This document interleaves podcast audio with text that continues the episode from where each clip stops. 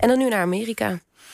Breaking tonight at this hour, the Colorado Supreme Court has disqualified former President Trump from the state's 2024 election ballot over his involvement in the Capitol riot of January 6th.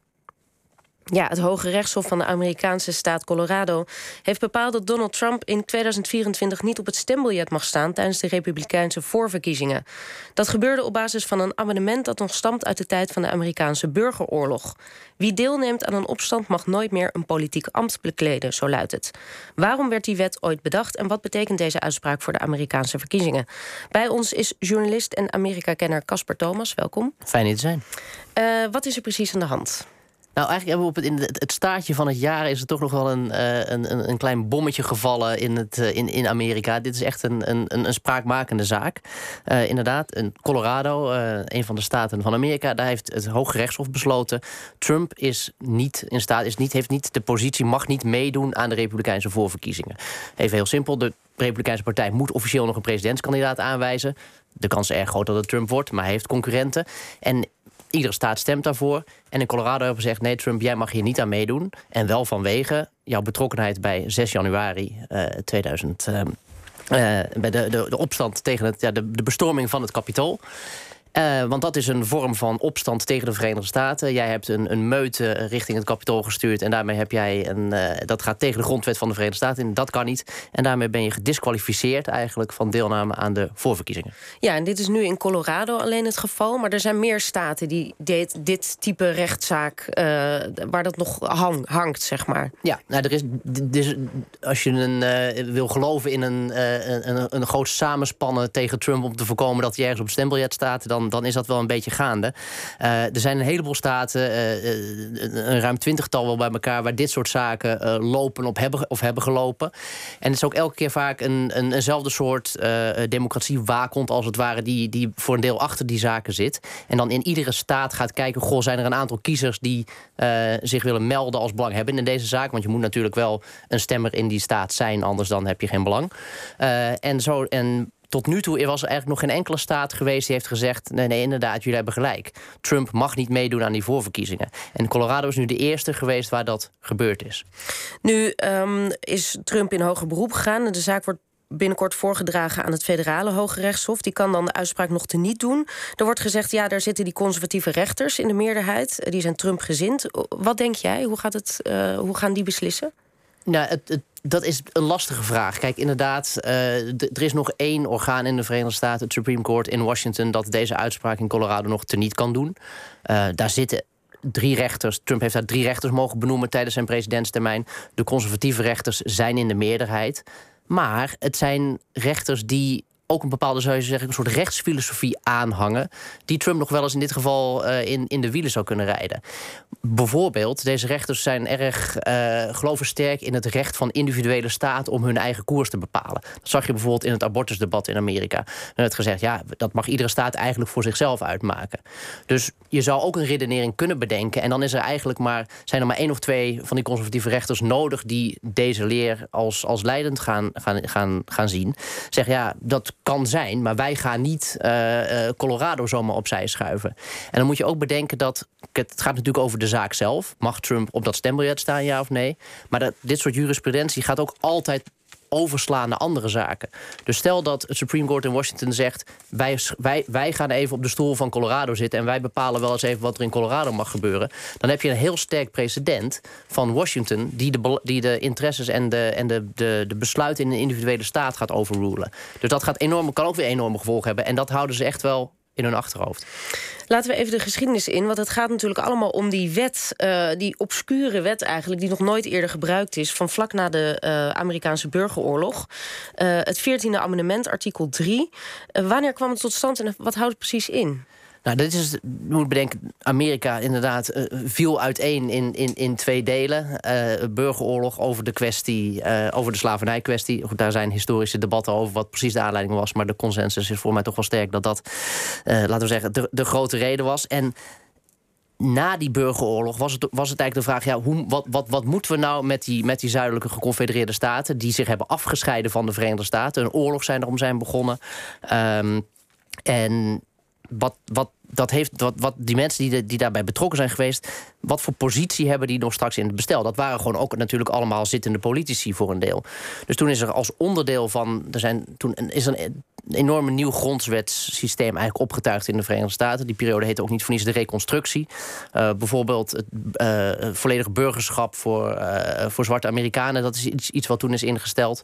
of het hebben van een positie als, als, als staatsburger. En een onderdeel van die reconstructie was dus ook dat een amendement waarin het gezegd... als jij hebt meegedaan aan een opstand tegen de Verenigde Staten... dan mag jij even heel simpel gezegd geen belangrijke staatsfunctie meer vervullen of niet meer de politiek. We willen je daar niet meer hebben, want want blijkbaar respecteer jij de, Verenigde Staten dermate weinig dat je uh, er tegen in opstand komt. Dus die, die wetsclausule die lag er maar is eigenlijk nooit in de praktijk gebracht. Er is nooit iemand op basis hiervan uh, daadwerkelijk buiten een hoog politiek ambt uh, of een hoog, laten we zeggen, een hoge ambtenarijfunctie gehouden. Maar het zou wel kunnen, want de, de vraag is nu steeds, die in die rechtszaken steeds terugkomt: is dit wetsartikel nou ook van toepassing op een uh, op een presidentskandidaat of een, of een zittende president. Um, de aanklagers die Trump van het stembiljet af, uh, stembiljet af wilden hebben, die voeren dus uh, grappig genoeg een historisch argument aan om te stellen dat het wel degelijk van toepassing is op presidenten. Want zeggen ze, deze wet is onder andere bedacht voor Jefferson Davis, de enige president toen tijd van de Zuidelijke Staten. Wie, wie was hij precies? Ja, hij werd gekozen na Davis als alternatieve president voor de, de, de, de alternatieve Verenigde Staten, de Zuidelijke Geconfedereerde Staten. Um, met zijn eigen Witte Huis. Uh, en, en, en het idee was, ja, na die burgeroorlog. Zou het toch wel fijn zijn als uh, meneer Davis niet ook nog, uh, laten we zeggen, zijn ambities op het daadwerkelijke uh, machtscentrum van de Verenigde Staten zet, namelijk Washington. Maar goed, er staat, net, er staat niet letterlijk in de wet dat het bedoeld is om deze persoon specifiek buiten het ambt te houden destijds. En de wetstekst is wat ambigu. Want er staat niet letterlijk bijvoorbeeld... als jij een opstand hebt geleid tegen de Verenigde Staten... of je bent erbij betrokken geweest... mag je geen president meer worden. Dat staat er niet letterlijk. Maar er is destijds, en die debat worden dus nu ook aangehaald in de rechtszaak... en daarom is dit zo'n leuke zaak, omdat eigenlijk uh, uh, de draad van de geschiedenis als het ware weer een beetje wordt opgepakt in de Verenigde Staten. Er wordt nu gedebatteerd alsof het 150 jaar geleden is. Waarvoor hebben we deze wet eigenlijk destijds bedacht? En dan wordt er gekeken naar debatten in de Senaat en er wordt gezegd ja, maar kijk, wel degelijk heeft iemand gezegd dat het idee was om, de, om te zorgen dat de mensen niet meer president zouden kunnen worden als ze betrokken waren bij een opstand. Um, dus, dus, Trump ontketent een historische discussie? Ja, is niet, niet, niet, niet, voor, niet voor het eerst. Uh, en daarom is het ook zo interessant dat dit dus meteen ook weer overspringt naar het Supreme Court. Uh, en dat moet ook heel snel gebeuren overigens. Hè, want uh, Colorado wil zijn stembiljetten gaan drukken. Die voorverkiezingen die zijn in, uh, in maart. Dus ze moeten tempo maken. En, en het, het, mooie is, heel vaak kunnen dit soort dingen zaken enorm slepen. Maar dat Supreme Court gaat dus nu niet alleen een belangrijk vonnis vellen over wat invloed heeft over de Amerikaanse verkiezingen. Maar ze gaan ook op linksom of rechtsom, wat ze ook vonnissen, uh, een, een historisch en juridisch uh, kwestie deels slechten.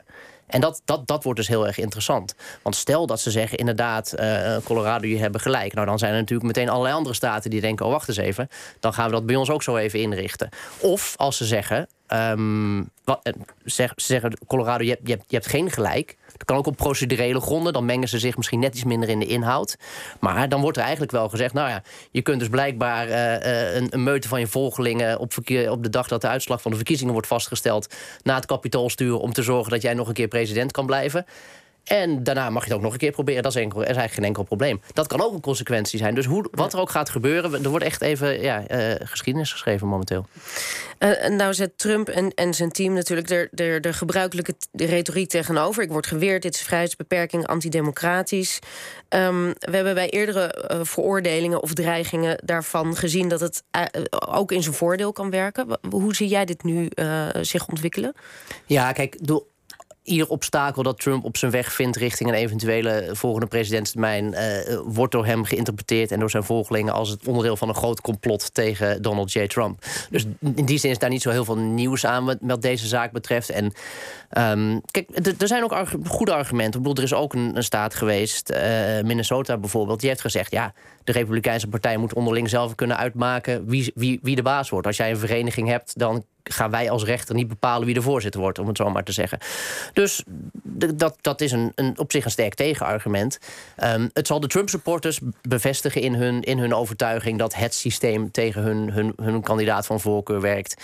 Um, dus ik denk niet dat het in de, in de verkiezingsdynamiek voor de, voor de kiezers zelf heel veel uitmaakt. Maar nogmaals, afhankelijk van wat dat Hooggerechtshof in Washington gaat besluiten, kan het dus wel echt consequenties hebben voor, voor Trumps positie op, op het stembiljet. En dat zijn nu nog de voorverkiezingen. Maar je kunt je natuurlijk voorstellen, als je op grond hiervan niet mee mag doen aan voorverkiezingen, dan heb je wel een heel sterk juridisch president om te zeggen: je mag ook niet meedoen aan de echte verkiezingen.